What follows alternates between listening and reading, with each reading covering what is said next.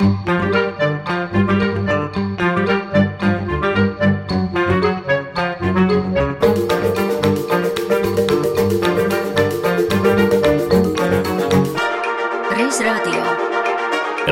radio ar šodienas skatu pagātnē. Plakām doma laukumā mazajā ģildē pārtikas sadale. Tāpat arī divi vīri no talsiem. Tātad Tāls pienotavu. Direktors un galvenais mehānisms. Mēs arī atvedām iedzīvotāju sagādāto pienu. Atsaucība bija ļoti liela. Divu dienu laikā mums atveda ap pār pa 44 tonām piena. es atvainojos, tas ir tā gan kopsaimniecību, gan, Gan arī individuāli. kopsaimniecība, zemnieku un individuāli viss kopā. Pārstrādājuši sviestā un biespienā, nu, nodrošinām savu tāls rajonu cilvēks, kas brauc uz Rīgu, te dežurēt, bet, nu, tā produkcijas daudzums ir tik liels, ka varam palīdzēt arī citiem. Nu, Kādu naudu jūs ņemat par šo preci? Nu, dabiski, ka tas piens nācis ir kā ziedojums, tad arī tā produkcija kā ziedojums. Daudz rajonu jau zemkopīgi gaļu nodod, ir pienu nodod, Liepājas rajons un citi rajoni jau. Šis ieraksts tapa 1991. gada 19. janvārī, kad barikāžu laikā toreizējā ziņu korespondente Māra Platace izgāja doma laukumā aptaujāt tur sapulcējušos cilvēkus. Ugunskuri, visur esošā dūmu smarža, dziesmas, smagā tehnika, aicinājumi iedzert siltu tēju un uzkost maizītes, spindzošas slodzes, kritušie. Tā barikāžu dienās bija dzīve ārpus radio mājas. Tie iekšpusē darbs cauri diennakti, bailes, pleca sajūta, arī joki. Īpašās sajūtas un notikumi, kurus turpmākajās 20 minūtēs atsauksim atmiņā. -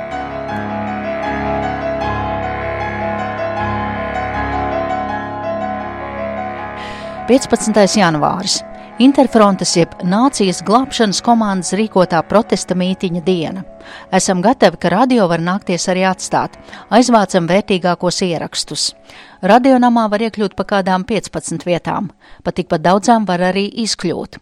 Varam izlīst pa lūkām, izlikt pa logiem, varam tikt nolaist no piektā stāva ar alpīnistu virvēm, aiziet pa jumtiem. Tā atmiņās par barikāžu laiku raksta bijušais Nacionālās radio un televīzijas padomas priekšsēdētājs Zaļo un Zemnieku savienības biedrs Aivars Berķis, kurš tolaik strādāja par Latvijas radio vecāko redaktoru un lauksaimniecības redakcijas vadītāju. Un nu sāka rasties arī cilvēki ap radio un visu, un tad mēs dalījām pienākumus. Patiesībā uz ātriem raidījumiem toreiz bija gatavas tikai pēdējās ziņas. Tie bija pieraduši uztaisīt ātri, un mēs visi bijām tāda tipa žurnālisti, kur ieraksta un tad mierīgi montē un gudro. Sākumā mēs, mēs nebijām gatavi tādai zibenīgai reportēšanai bet tika atlikti visi pārējie raidījumi pie malas, visa dienas kārtība tika izjaukta, viss aizgāja šajās ziņās, un pati ziņu redakcija sakārtoja, lai tur būtu kas koordinē visu to. Gatavojoties ārkārtas situācijai, ja, piemēram, tiktu ieņemta radioēka, vairākus ziņu redakcijas cilvēkus nosūtīja uz radiotorņiem, no kurienes vajadzības gadījumā translētu ziņas. Žurnālisti sēž turņos, raitoņos, cesvainē, kuldīgā, Valmierā, Ulbrokā bija sataisītas komandas sarunātas, kas tajā, nu, x stundā brauks un tur sēdēs. Un tad bija izgudrota parole. Kā lai mēs tad sapulcējamies kopā? Šī parole bija, ka sākās pēkšņi Latvijas rādio sāk muzikas pārraidi un saka raidījums tiem, kas atvaļinājumā. Raidījums tiem, kas atvaļinājumā. Mūsu Latvijas radio žurnālisti vai tie visi- bija tie, kas reģionos Nē, strādā vai no šejienes? no mūsu Doma radio žurnālisti vienīgi Silva Bendrāte, kas bija kuldīgā, nu tā tur bija uz vietas ar savu komandu, un tā bija arī visatbildīgākais punkts, un tur mēs taisījāmies sūtīt pastiprinājumu ar valodas zinātājiem, jo tanī laikā vidējos viļņos kuldīga bija vienīgā, no kuras varēja sniegt ārzemes, Zviedriju. Šie citi raidītāji tik tālu neaizskanēja. Kuri bija tie žurnālisti, kuri tajos torņos sēdēja no tiem? nu, jūs tā? Pēteris Tabūns sēdēja Valmierā, Māra Platace un Modris Raubišķis sēdēja Cesvaines televīzijas turnī, un šeit Rīgā televīzijas turnī, no kura raidīja arī radio, tur mainījās. Galvenais, kas uzdrošinājās braukt, jo, piemēram, es saņēmu arī atteikumus no jauniem puišiem, kuriem nekā nebija ko baidīties, bet kuri teica, nē, nē, es nekad neesmu tā runājis, es, nē, nē, Dievs pasargās, es nevaru, nevaru, nevaru. Un Māra Platace, kurai bija divi bērniņi mājās, cik es atceros, pirmskolas vecumā, un Māra tur brauca. Un iedomājieties, ka sēdēt tajā turnī, tas nav būt doma laukumā, kur apkārt tev ir tauta, kur ir uguns, kur, kur spēlē muzika, kur jau tu jūties kaut kādā estrādes koncertā. Bet tajā turnī tu esi viens. tu nekur nevari palikt. Tur patiešām bija vajadzīga varonība, lai tur sēdētu. Jūsos klausoties, es sauktu Māru Platacu un, citus kolēģus par tālaus taurētājiem. Nu, viņi bija ļoti trapīgs, trapīgi, viņi bija taurētāji, viņi bija gatavi taurēt.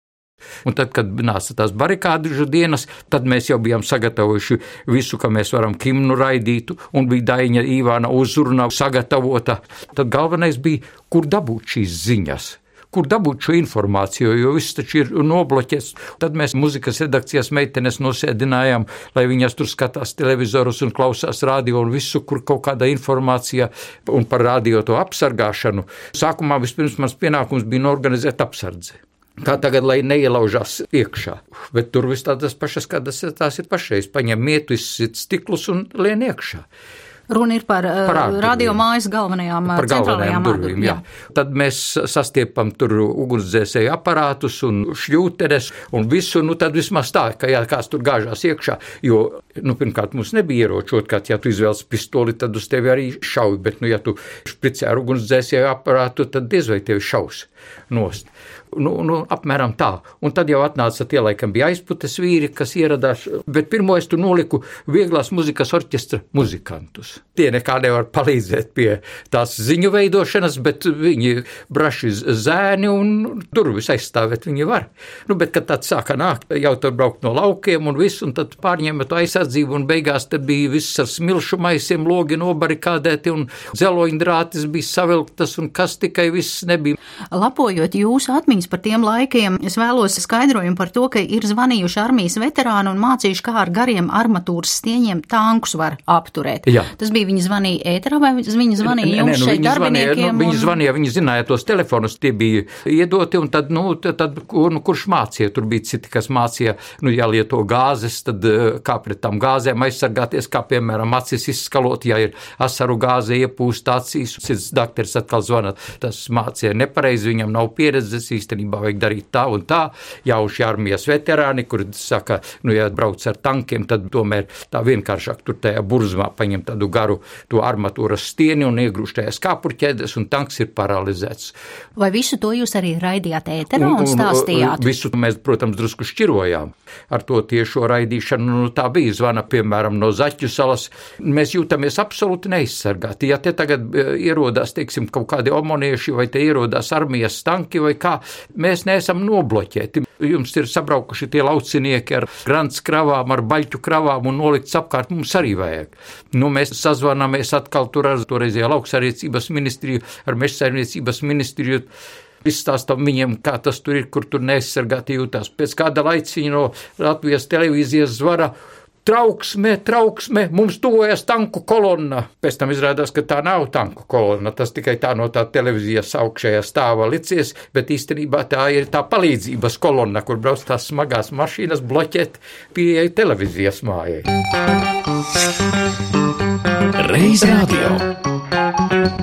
Turpinot uzklausīt to dienu atmiņas, žurnālists Kārlis Grīnbergs, kurš tolaik arī strādāja ziņu redakcijā, atceras radio nozīmi cilvēku dzīvē ārpus radio mājas. Gribu vienu tādu mazliet varbūt uzjautrinošu lietu Nu, ne tieši tajā dienā, bet citos mums mājās bija sunīts. Es ar sunīti arī izgāju no rīta pastaigāties, un tad varēju redzēt šo milzīgo radio popularitāti. Jo es liekas, nepārspīlēšu, ka katram otrajam, kas tur ar suni gāja staigāt, bija pie auss šis mazais radioaparātiņš, lai dzirdētu pašlaik, kas notiek. Tie, kas klausījās, vienbrīd viņi klausās Rīgu, tad viņi klausās Maskavu, kas zina valodas, tas tur varbūt dažbrīd klausījās angļu valodā. Tāda epizode, jo toreiz atcerēsimies visu to, ka radio, Latvijas radio bija viena. Tātad, ja kāds gribēja dzirdēt, kas notiek pašlaik, to visjaunāko, vissvaigāko,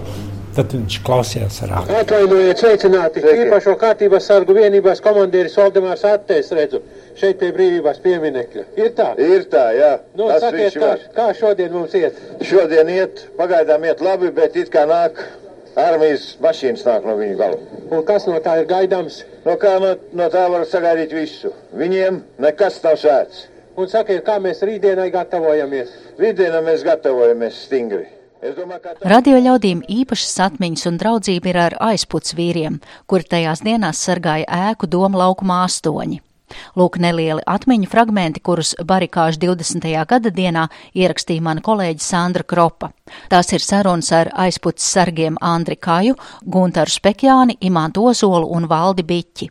Tajā laikā aizputnieki man izgrūda priekšā, un es biju tās pirmās dienas, pirmās naktas priekšnieks no aizputniekiem par šī radionāma apsardzes. Tā kā citi atcerās tikai atsevišķus kabinetus, es šo ēku pazīstu sākot no pagraba seifa līdz jumtam. Bēniņš ieskaitot. Es zināju, kurā vietā vīri atrodas, kurā vietā dežūrē un ko kurš dara. Kas ir vispilgtāk palicis atmiņā no 91. gada 20. janvāra? Tas tas saspringtums, kas sākās tā šaušana, neziņa, uztraukums, protams. Pēc tam atkal atslābums un tad uzvaras sajūta, gan izvar teikt. Jā bija interesants eh, un tajā laikā ļoti satraucošs mirklis tas, ka, ja nāktu ienaidnieks, mums bija tāda lieta kā striķi arī no trešā stāva piesiet pie šiem čuguna radiatoriem, ja gadījumā kaut kas, lai ir atkāpšanās ceļš, bet jūs jau redzat rādījā mājā, cik augsti ir vienā stāvā griezt, tātad no trešā stāva mēs gluži kā desants laistos lejā. Imants, es atvainojos, ja pa striķiem šeit bija trīs mani puikas lielie. Viņi šeit bija savilkuši visādus striķus, bet nu, mēs kalnos staigājām. 20. vakarā es atbraucu mājās, un man sieva saka, bija puikas ledus cirtnes meklēt. Nu, kalnos, ko iet lēt. Kādus ledus cirtņus viņiem vajagot rādio aizstāvēt? Reiz radio. Mums bija ļoti maz laika, lai mēs saprastu, kas ir tas mugurkauls, bet mēs nolēmām, ka, protams, ziņas ir pašas svarīgākās, un ziņas apaļās stundās, latviešu valodā, krievu valodā, svešvalodās trīsreiz dienā, tad arī sludinājumi. Utilitārie katrās 45 minūtēs un kultūras sludinājumi. Vēlreiz atgādinām, ka apsildīties varēsiet ieiet arī teātra kabatu telpās. Aktieri piesola karstu tēju. Jā, un atgādinām arī, ka šovakar pulksten 20. durvis vērs Doma baznīca, un arī tur jūs varēsiet apsildīties. Tātad būsim visi kopā šajā draudīgajā laikā. Šie utilitārie ziņojumi nozīmē to, ka tiek apzināts, kurā vietā vajag tēju, kur vēl vajag sviestmais cilvēkiem, kur vajag kaut kādu praktisku palīdzību. Tā stāsta toreizējā programmu direktora vietniece Dārija Juškeviča, kur tajās dienās bija atbildīga par to, kas izskan ēterā. Mūzikas mums bija divi veidi sagatavots, tad, kad mums pašiem Latvijā un šeit Rīgā notika traģiskie notikumi. Tad mēs sagatavojām šo bēdīgo mūziku, kas bija domāta tām dienām. Un, uh, mēs viņu ļoti ātri aiznesām atpakaļ uz fonoteku, jo mums likās, ka nevajadzēs vairāk, nekad nevajadzēs to.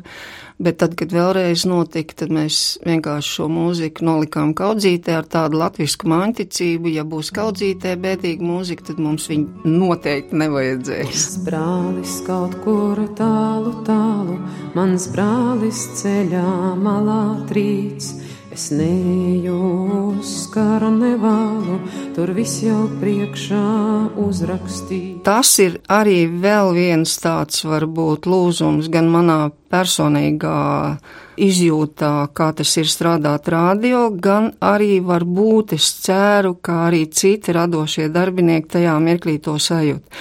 Jo es sapratu, ka Kaut kādā veidā tiek apdalīti tie tehniskie darbinieki, kur strādāja stāv augstāk, par kuriem neviens ārpusē, protams, nezināja un neatcerējās.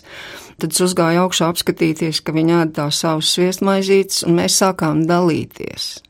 Un tajā mirklī mēs vienkārši, es domāju, ka kādam, kas varbūt līdz tam nebija sapratis, ka radio darbs tā ir viena ābola divas puses radošie darbinieki, tehniskie darbinieki, kuri viens bez otra nekad nevar un nekad nevarēs un nekad tā nebūs, ka būs tikai radošie vai tikai tehniskie.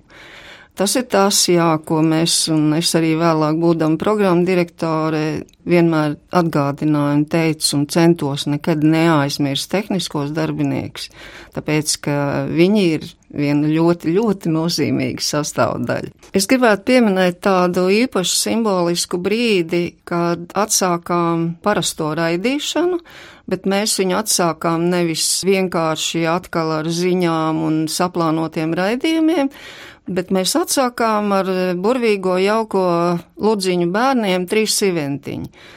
Un šie trīs siventiņi sanāca tā ļoti simboliski, jo burtiski pēc tam uzreiz, kad ludziņi izskanēja doma laukumā, kur sēdēja barikāžu aizstāvju dalībnieki, parādījās milzīgs plakāts, uz kur bija rakstīts ka Baltijas valstis, trīs siventiņi, Latvija, Lietuva, Igaunija uzzīmēta, un tā teikt tāds briesmīgais vilks, kurš tā kā tiek aizdzīts projām. Tas bija tā patīkami, ka cilvēki uzreiz reaģēja. Līdz ar to man personīgi šī ludziņa saistās tieši ar to.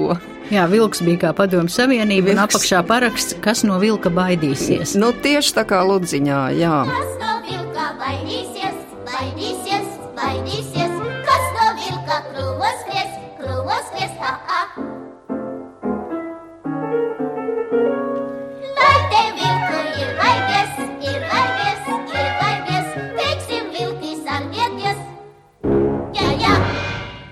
Tāpat kā žurnālisti un diktori, tāpat darbojās, kā Dārija Juškevičs teica, ābola otra puse, jeb tehniskie darbinieki, kas strādāja pie skaņu ierakstu ruļļiem un uzmanīja, kas un kā izskanēja ēterā.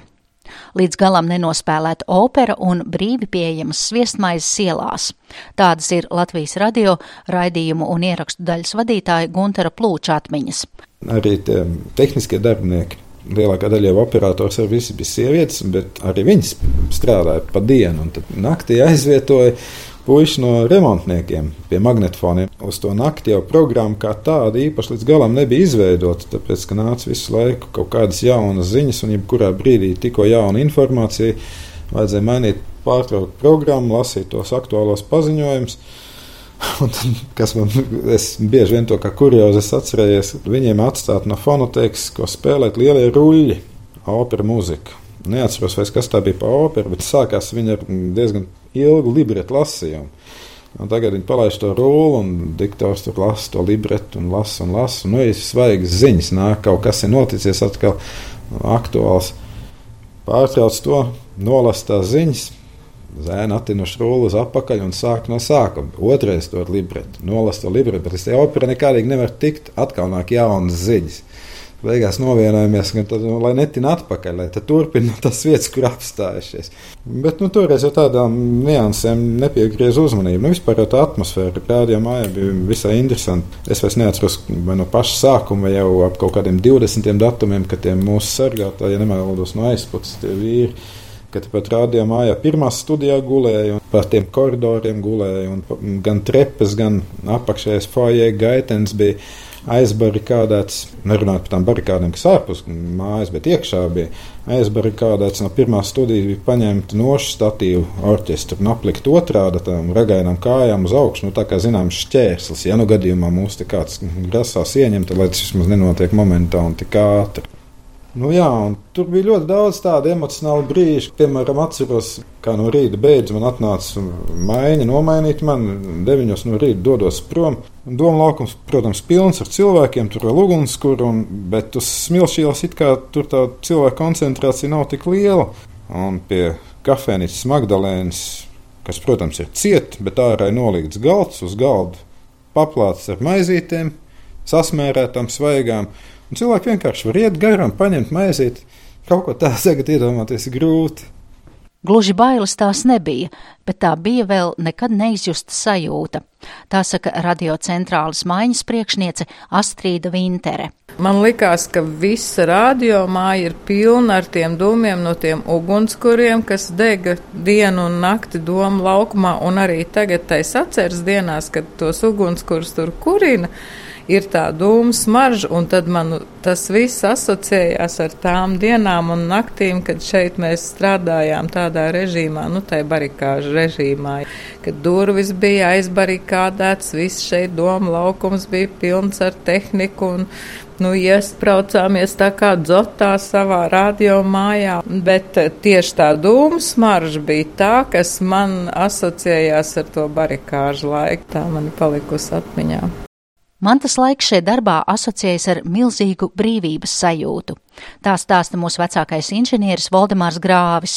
Izrādās, tajās dienās viņi ēterā varēja spēlēt gan ārzemju iestrādi, gan nacionāla patriotiskās dziesmas, kas padomi laikā dzīvojošiem cilvēkiem toreiz bija aizliegtais auglis. Es cik atceros, kad visu laiku sūtīja sievietes ātrāk, pēc pusdienas deviņām vakarā sūtīja uz mājām.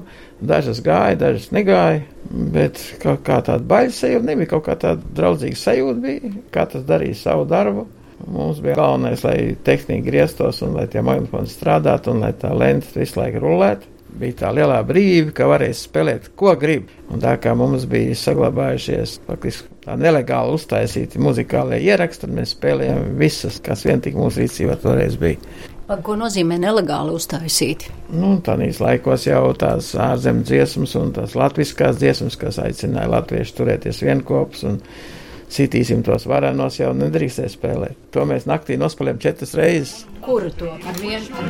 Jā, tieši to dziesmu. Ak, trīnīt manu sirds puķīt ar vienu, ar vienu. Tu solies reiz manā būt ar vienu, ar vienu. Ak, trīnīt manu sirds puķīt, tu solījies reiz manā būt ar vienu, ar vienu. Jūs dzirdējāt atmiņu kolāžas no barikāžu dienām, kas šeit risinājās pirms 24 gadiem. Atmiņas kopā lika un raidījumu veidoja Zane Lāce.